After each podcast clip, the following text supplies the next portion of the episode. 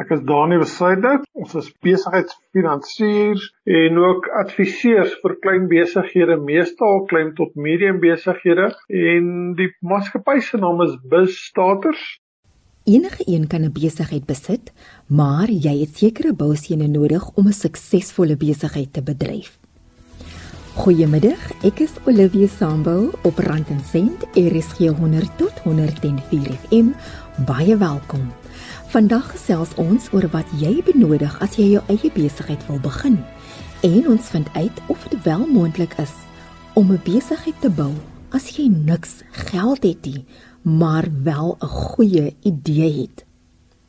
'n Boekhouer deel ook die grootste foute wat hy as 'n besigheidseienaar gemaak het en noem die waarskuwingstekens waarop jy moet let as jy 'n boekhouer soek vir jou besigheid.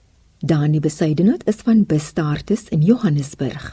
Hy glo dit is belangrik dat jy jou fondasies moet regkry en dat jy die regte advies moet inwin omtrent die tipe besigheid wat jy wil begin. Hoe lyk die tipe besigheid wat jy wil doen? Is dit 'n eenmanssaak, is dit 'n vennootskap? Wil jy 'n maatskappy stig? Wil jy 'n koöperatiewe besigheid aan die gang kry? En die regsforme rondom dit. Hoe skakel daai goed in met SARS want dit is belangrik Die tipe besigheid bepaal ook lisensiering. Jy weet jy kan byvoorbeeld nie 'n drankwinkel net gaan oopmaak nie, jy het 'n dranklisensie nodig. Hoe lyk jou jou health and safety as ek Engelse woorde mag gebruik? Hoe gaan jy met die banke deel? En hoe gaan hulle met jou deel? Hoe lyk jou betalingsstelsels? Hoe lyk jy perseel? Het jy 'n besigheidsplan? Het jy 'n bemarkingsplan? Hoe word al hierdie goed gefinansier? Dit is die mees algemene goed wat wat na my kant toe kom baie keer wanneer ek met mense praat sê maar ek het hierdie idee en baie keer skrik hulle net of hulle is net onkundig rondom die tipe besigheid byvoorbeeld wat hulle moet registreer en hoekom want onmiddellik dink hulle dis 'n maatskappy daar moet geaudit word en al daai goeters en hulle verstaan nie die kleiner en die fynere detail agter dit van wat nodig is en wat nie nodig is. Maar van hy daai oogpunt is dit belangrik dat mense net met iemand sit en gesels wat hulle net kan help en raad gee kan jy wel 'n sakeonderneming begin sonder geld? Ek gaan 'n kwalifiserende antwoord gee ja, jy kan. Party besighede het nie nodig om baie geld te hê om aan die gang te kom nie. Dit hang af wat jou verwagting is. Party mense gaan sê maar ek wil oornag ryk word. Daai besighede is baie rar en baie ver uit mekaar uit. Dis iets wat ek sal aanbeveel nie, maar mense kry partykeer 'n kontrak wat jy dan kan gebruik om besigheid aan die gang te kry en dan sit goed vir jou. Maar daar is ook baie wat nie regtig baie geld nodig het nie. Maar daar is ook meganismes rondom 'n goeie besigheidsidee. Vir my lê die kruks altyd daarin hoe jy daai pakkie in 'n finansieringshuis gaan aanwend. Die staat het heelwat goeie pakkette wat hulle aanbied op die oomblik waar hulle bereid sal wees om 'n bietjie risiko te vat op 'n nuwe besigheid. Die fokus is baie van die staat se kant af om wel klein besighede aan die gang te kry. So as jou idee goed is, dan sal hulle ons beskikbaar maak vir jou. Befondsing kan jou besigheid van ondergang red. Dit kan jou ook help om 'n besigheid te laat groei, maar daar is slaggate waarvan jy bewus moet wees. Wanneer is befondsing nodig en hoe weet jy of dit die regte besluit vir jou besigheid sal wees? Die grootste vraag wat ou moet vra met befondsing is Het jy dit regtig nodig of is dit maar net iets wat jy wil hê? Jy weet daai Engelse woord van want versus a need. Ek moet versigtig wees. Wil ek nou regtig daai nuwe bakkie hê? Het ek hom regtig nodig aan my besigheid of is die bestaande een nog reg? Nou moet dit mooi begin kyk. Ek sê altyd wanneer 'n ou kyk na die groei van jou besigheid, is dit gewoonlik die tyd om 'n bietjie na jou befondsing te kyk en dan begin dit 'n kwessie raak van wat is dit presies wat jy wil doen in daai besigheid? Het jy kort, medium of langtermyn geld nodig. En dan moet jy gaan bietjie mooi kyk hoe lyk jou kontantvloei en jou terugbetaal vermoë en al daai goed. Want gaan daai ding wat jy koop of daai geld wat jy leen vir jou soveel waarde toevoeg om jou besigheid te groei dat jy gemaklik daai geld kan terugbetaal. Baie ons dink dit is 'n goeie idee en die oomblik wat hulle die goed het dan besef hulle o, genade, nou kos hierdie ding my X bedrag wat ek elke maand moet betaal aan 'n finansiële instelling. Ek het nou reg met iemand gesit wat 5 nuwe bakkies wil koop. Sê ek vir dis reg, dis nie 'n probleem nie. Jou bakkies is 3 jaar oud. Hulle het bietjie hoë kilos op, maar hulle is nog in goeie toestand. As jy hulle nou gaan vervang, kan jy verloor op hierdie wat jy nou inruil want die waardes is laag. En nou maar dit gaan jou ook R18000 'n maand meer kos om daai 5 bakkies te vervang. Net daarso besluit sy wil dit nie meer doen nie. Dis nie meer nodig nie. Ry daai voertuie vir nog 'n jaar kry die besigheid om verder te groei en dan verander jy van voertuig. Wie die regte befondsing op die regte tyd is so soet ding op die tong, né, maar as dit dit uh, meelsteen in die nek gaan raak, dan kan dit 'n baie bitter ding wees want nou moet jy betaal vir iets wat nie regtig genoeg waarde gegroei het nie. Daar is verskillende tipes finansiering beskikbaar vir besighede. Wat is die verskil tussen 'n lening en befondsing? Kom ons praat net vanaand oor sê byvoorbeeld korttermyngeld. Ja, baie ons gee vir hulle kliënte krediet en dan betaal jy oor 30 dae daai tipe van goed. Iewers gaan dit in jou kontantvloei 'n rol speel wat jy uit kontantvloei te hardloop tensy jy met iemand anders ook dan wat vir jou verskaf 'n reëling maak.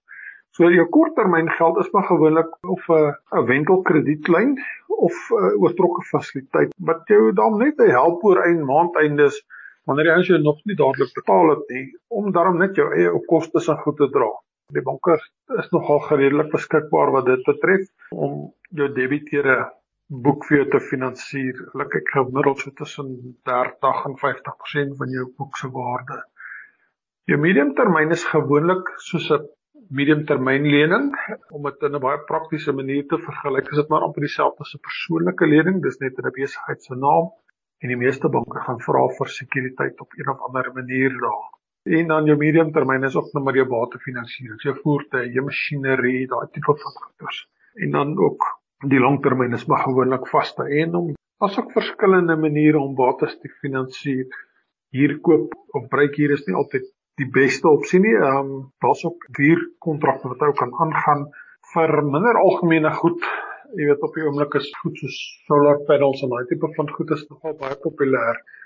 En ons maniere om dit te finansier sonder dat dit op jou boeke wys en wat dit vir belastingvoordeel gee. So daar's baie goeie wat ou na kan kyk. Die belangrikheid vir my is altyd van hoe word hierdie goed gestruktureer dat jy nie oor 2 jaar jouself van so knoop het en jy kan doen in jou besigheid wanneer jy dalk regtig meer nodig het. En dis vir ons nogal 'n redelike groot rol speel wanneer ou gaan kyk want mense oor die algemeen daar buite verstaan nie altyd die verskillende produkte nie. En as jy by banke nie goed inloop hulle het geneigtheid om sommer net afkortings en sulke goed te gebruik en dan verstaan jy nie altyd lekker wat hulle sê nie. En dis belangrik om dit te verstaan. Ek dink net mense moet mooi verstaan die verskillende rolle wat verskillende tipe finansiering in hulle besigheid kan speel Administrasie en die regte dokumentasie vorm die hartklop van jou besigheid, want dit maak nie saak hoe goed jou diens of produk is nie, jou papierwerk moet steeds in orde wees. Ek dink ons het gesien toe Blockchain skielik kom en die staat sê goed, ons gaan hulppakkette aanbied. Toe staan baie mense wat se SARS rekord nie reg is nie. Hulle boekhouding is nie op datum nie. Hulle kan nie by die UIF kantore gaan aanklop en sê maar julle het nou hierdie hierdie turspakkette om my te help my werkers te betaal in hierdie tyd van lockdown nie maar nog steeds omdat hulle administrasie nie reg is nie kon hulle nie dadelik daai goeders inkry nie. Toe moet hulle eers gaan skarrel en dit regmaak. En dit demonstreer net vandag nog die belangrikheid daarvan. Ek weet besigheidseienaars is besig en ek weet hulle werk hard vir daai geld, maar ek dink dit is ook belangrik dat hulle net hierdie deel van die goed regmaak. As 'n mens skielik moet na 'n plek toe gaan en gaan vra help my, dan gaan die mense vra is jou belasting op datum, is jy waar is jou finansiële staat? Waarna kan ons kyk om 'n besluit te neem of ons jou kan help of nie? Dit is baie baie belangrik. Nog 'n stryk waarin besigheidseienaars gereeld trap, is om alle hoede van die besigheid te wil dra. Hulle almal doen daai ding. Mense kry dit baie keer. Hulle voel hulle kan al hierdie goed hanteer. En as hulle weer kyk, dan sit hulle in 'n situasie waar hulle net so oorweldig voel in daai besigheid. En nou wonder hulle nou, sit tog jy moet te werk. Wat van al hierdie goed wat gedoen moet word? Nou is jou administrasie of jou boekhouding maande of jare agter partykeer. En dan gaan dit jou paar rand kos om iemand te kry met reg te maak vir jou. Kry jy weer iemand wat vir jou van die begin af 'n baie bekostigbare ding aanbied en sorg dat elke maand vir jou kan sê wat in jou besigheid aangaan. Nie almal van ons is rekenkundig aangelê nie, maar kry iemand wat jy kan vertrou. Daar is sekere beginsels wat jy kan begin toepas as jy 'n suksesvolle besigheid wil bou. Ek sê altyd my doel is om elke besigheid te skuif van daai fokus op die geld na 'n doelgedrewe organisasie. As ons begin die doel van dit wat ons doen, wil ons mense dien, wil ons vir 'n goeie produk gee, wat ook al die situasie mag wees, as ons daai doel begin goed nastreef, gaan die geld outomaties vloei. Dis my ek dink ook beplanning is baie baie goed. Dit is baie belangrik. Maar mense moet ook deur daai beplanningsfase nie bang wees om bietjie te eksperimenteer met ander goeders en ander maniere van goed anders doen nie. Ou moet begin netwerke bou. Dis die manier van besigheid doen vandag. En dan dink ek met mense eie mense begin bemagtig en vertrou. En ou moet deursigtig wees in dit wat jy doen. Mense moet na jou as 'n besigheidseienaar kan kyk en sê Ek hou van die manier wat hierdie man besigheid doen. Ek hou van sy etiek. Ek hou van dit wat ek sien en ek wil dit ook graag verder dra. Vir my is dit kardinaal. Net om daai daai kopskuif te kan maak van daai vyf goedjies, dan weet 'n mens het waarde toegevoeg vir 'n besigheid. So gesels Dani besuidenoot van Bustartes in Johannesburg. Dis rand en sent op RSG 100 tot 104 FM met my Olivia Sambul. Laat weet gerus wat vir jou besigheid werk en hoe jy jou administrasie hanteer. Pieter Senekal is van Senfin Business in Johannesburg. Hulle bied boekhouding en ander verwante dienste aan franchises. Hy glo sterk dat finansiële bestuur deel van jou besigheid sowel as jou persoonlike lewe moet wees, want as jy beheer oor jou finansies verloor, kan dit verrekkende gevolge vir jou inhou. Ek kyk na al my kliënte se boeke en die die verskil tussen die wat finansiering het, die wat nie het nie, ook in in 'n persoonlike opsig met vriende, myself ingesluit. Die finansiële skuld is 'n baie baie groot oorsaak van onmin en depressie en angstigheid. Die banke en so aan, ek wil nou nie klink soos iemand wat teen die stelsel beklei nie, maar dis my net lagwekkend hoe maklik dit is om jouself in 'n hoek in te kry en dan dit bly by jou vir jare en jare en jare as dit nie jy weet 'n lewenslange fondisbasis is wat jy vir die bank werk. Maar jy weet die ander ding ook en dit is waar ek graag sal wil werk aan die skoolstelsel, né? Dis moontlik om daar uit te kom. Dit vat net ordentlike beplanning en jy weet boekhouding en rekeningkunde dit gaan vir jouself en jou persoonlike finansies ook. Jy moet kyk na jouself. Maak jy 'n profit elke maand? Maak jy 'n verlies? Waar kan jy sny? Hoe kan jy jouself uit dit uitkry? Dieselfde finansiële beplanning moet in jou eie finansies ook ingaan jy weet wat is jou mikpunt, wat is jou langtermyn doelwitte, jou korttermyn en dan ook uh, baie baie keer wat mense doen is as die skuldeisers bel dan antwoord jy nie. Nou die een stukkie raad wat ek altyd is jy antwoord die foon. Dit gaan nie weggaan nie, jy kan nie jou kop in die gat indruk nie, maar eerlik praat en eerlik wees of dit nou 'n groot bank is en of dit nou 'n familielid is aan wie jy geld geleen het, wees eerlik met jou finansiële toestand eerder en sê, luister, dit is wat ek kan bydra vir nou, maar moet nooit in jou lewe jou verantwoordelikhede wegkruip van dit af nie, want dit word 'n groot monster wat net al hoe groter en groter word. En ag, die angstigheid daarvan is glad nie die moeite werd nie. Dit maak die lewe so materialisties as 'n mens die hele tyd moet dink aan jou skuld en geld. Die diens van 'n boekhouer is uiters noodsaaklik vir jou besigheid, maar jy wil sover moontlik seker wees dat jy die regte persoon vertrou om rekord te hou van jou finansies. As jy op soek is na 'n boekhouer, is daar sekere tekens wat vir jou as waarskuwing kan dien. Jy weet as jy onmiddellik in 'n in 'n rigting gedruk word, jy moet hierdie program koop en hierdie lisensie hê vir daai sagte ware en die en daai. Ek het al gehoor eerder van 'n paar boekhouers en rekenmeesters ook, jy weet wat nou op hulle eie probeer gaan. Hulle is nog in diens by firmas en praktyke en dan probeer hulle iets op die kantlyn begin.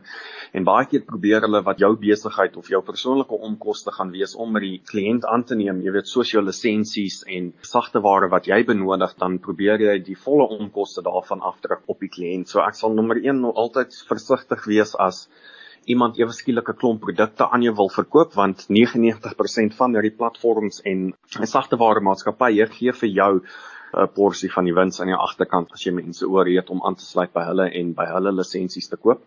Ja, en dan die ander ding ook Ek sal nommer 1 altyd kyk is iemand deel van 'n beheerliggaam. Soveel as wat dit eintlik 'n uh, opslommernis is om elke jaar al die hulle noem dit continuous development points wat jy nou elke jaar 'n sekere hoeveelheid ure moet spandeer. Dit is eintlik baie insiggewend. My beheerliggaam vereis 20 ure die helfte moet geverifieer kan word en 'n sertifikaat kan gee daarvoor en die ander is jy weet self leer. Dit hou mense op hoogte en dit hou jou um up to date met al met met die reëls en die regulasies want kyk alles verander baie vinnig die hele tyd. En wette wat jare terug geskryf is word nou in werking getree. So mense het al soort van vergeet daarvan. Deur deel te wees van 'n beheerliggaam wat vereis dat mense aanhoudend op datum gehou moet word en en op datum moet wees met die nuutste verwikkelinge ek dink ehm um, jy weet as iemand nou nie deel is van 'n beheerliggaam nie, dan sal ek definitief aandring op ehm um, iemand wat gekwalifiseerd is. Want kyk, jy kry ook mense met 30, 40 jaar se ondervinding in boekhouding en hulle sal sal jou definitief kan help met jou rekordhouding en boekhouding van die besigheid. Dan ten minste maar net 'n goeie rekenmeester nodig om jou finansies op te trek na die jaar verby is en en 'n goeie oorsig te kan doen maar die reëls en regulasies wat van toepassing was 10, 20 jaar terug het nou al verander. So ja, vir my sal dit altyd wees iemand wat onmiddellik 'n produk aan jou wil of jou half druk om 'n program of 'n produk aan te neem. As jy nou soek vir 'n boekhouer, die ander ding is iemand, jy weet, is al hulle sake in orde en hulle is 'n geldige lid by hulle beheerliggaam en dan ook is hulle gekwalifiseer. So vir daai drie dan sal ek nou gewoonlik uitkyk en dan ook as dit nou 'n besigheid is, kyk bietjie na hulle geskiedenis, hoe lank is hulle nou al in die bedryf en wat se spesifieke bedryf is hulle of het hulle ervaring in? Daar is egter een belofte wat onmiddellik die gevaarligte moet laat flikker. Die grootste rooi lig sal gewoonlik wees as iemand vir jou beloof dat ek gaan iets binne die volgende dag of week vir jou klaar kry en moenie worry nie ons sal dit uitsorteer. Jy moet weet hoe hulle dit uitsorteer en mense moet ook weet dat niemand kan eintlik vir jou sê hoe lank iets gaan vat nie want jy weet nie wat jy gaan kry nie en jy weet hoe dieper jy in in iemand se boeke ingaan en finansies en goederes jy kan op iets afkom wat uitgesorteer moet word wat inligting benodig van verskaffers af en of van die bank af of dit moet uitmekaar gesit word volgens jy weet dit moet oorgedoen word as dit nou kom by iets soos, soos jou payroll. So ja, as iemand vir sê nee, ek gaan in 2 ure jou boeke vir jou regkry of jou boeke vir jou oopmaak, dan sal gewoonlik 'n rooi lig wat vir my aangaan. En as jy beoog om jou boeke op besigheid te begin, is dit onvermydelik dat jy foute sal maak, veral in die vroeë stadium van jou besigheid. Een van die heel eerstes was te vinnig te veel. Ek het skielik in 1 maand 7 nuwe kliënte bygekry. En dan begin 'n mens nou, jy weet, jy raak nou agter en dan die angstigheid wat dit dan nou in jouself bou en doen. Ek dink die slotsom van dit, as ek dit nou kan opsom is Ek was so besig om my kliënte se besighede te bestuur en advies te gee aan hulle en seker te maak dat al hulle sake is in orde, laat jy begin jou eie besigheid dan nou af te skeep. Dit gebeur nogal gereeld. Mense so gefokus op jou kliënt en as jou kliënt gelukkig en en alles in orde daar laat dan kom jy nou op 'n Vrydagmiddag na 'n harde week van werk, dan moet jy nou 'n paar ure aan jou eie goed spandeer en dan mm, mm, nee, kom ons gaan nou naweek hou. Daai glasie wyn staan en wag vir jou daaronder. So dis maar een van die goeters wat ek geleer het uit foute uitmaak is selfdissipline as dit nou kom by jou eie sake en jou eie besigheid. Buite nou vir die pryse en heeltemal te min vra aanvanklik was daar dan ook paar uitgawes en goederes wat nou nie vrugte afgewerk het nie. Ja, ek sal sê my grootste fout daar is hoe mense dan nou kwaad word vir jouself. Ek het nou hier probeer en dit nou nie gewerk nie, maar dit het my nou soveel gekos. Mens moet aanvaar dat jy gaan foute maak en elke fout wat ek maak, skryf ek toe as ondervinding. Wat 'n les kan ek daar uit leer? Wat kan ek identifiseer waar het ek fout gegaan, waar die ander fout gegaan? Hoekom het dit nie gewerk nie? en wat kan ek dan nou anders doen in die toekoms? So, daai is my uh, my logika wat ek dan nou toepas op foute. Watter wenke het jy vir boekhouers of iemand wat beoog om hulle boeke op besigheid oop te maak?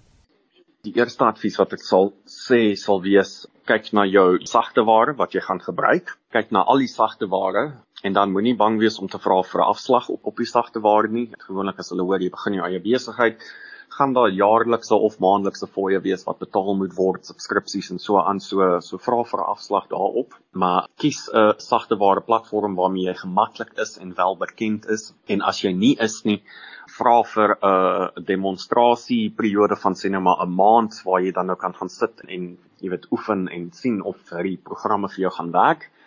Nommer 2 sal ek dan nou sê as jy nou jou sagte ware gekies het, uh, professional indemnity insurance, besigheidsversekering is is baie baie belangrik. En dan nommer 3, moenie moenie geld spaar op jou kontrakte nie. Kry 'n goeie prokureur in om vir jou jou kontrakte tussen jou en jou kliënte as ook, jy weet alles wat 'n mens benodig, jy weet die poppie act wat nou uitgekom het, maak seker dat al jou goederes is goed in orde. En dan uh nommer 4 sal ek sê as dit nou kom by jou pryse, daar moet 'n ordentlike en uitgespelde ooreenkoms wees tussen jou en jou kliënt. Dis wat ek gaan gee vir jou maandelikse fooi en hierdie is al die ekstras na die tyd. En dan ook betaalterme. Dis ook een plek waar ek nou al my vingers verbrand het met 'n kliënt wat jy weet skielik nie begin betaal nie of hulle skuld jou geld van voor Covid geslaan het. En dan gebruik hulle nou elke verskoning in die boek daarmee. So kyk daar's baie baie hulp op die internet as dit kom by voorbeeld dokumente en goeders wat 'n mens kan, jy weet nou van die internet afkry en jy kan nou toepas op op jou eie besigheid en Vra vir help. Moenie skaam wees om te vra vir help nie. Dit was Pieter Senekal van Senfin Business in Johannesburg. Bedrog is 'n groot probleem in organisasies en maatskappye reg oor die wêreld. Die Association of Certified Fraud Examiners is die grootste organisasie in die wêreld wat bedrog beveg en hulle het 90 000 lede in verskillende lande.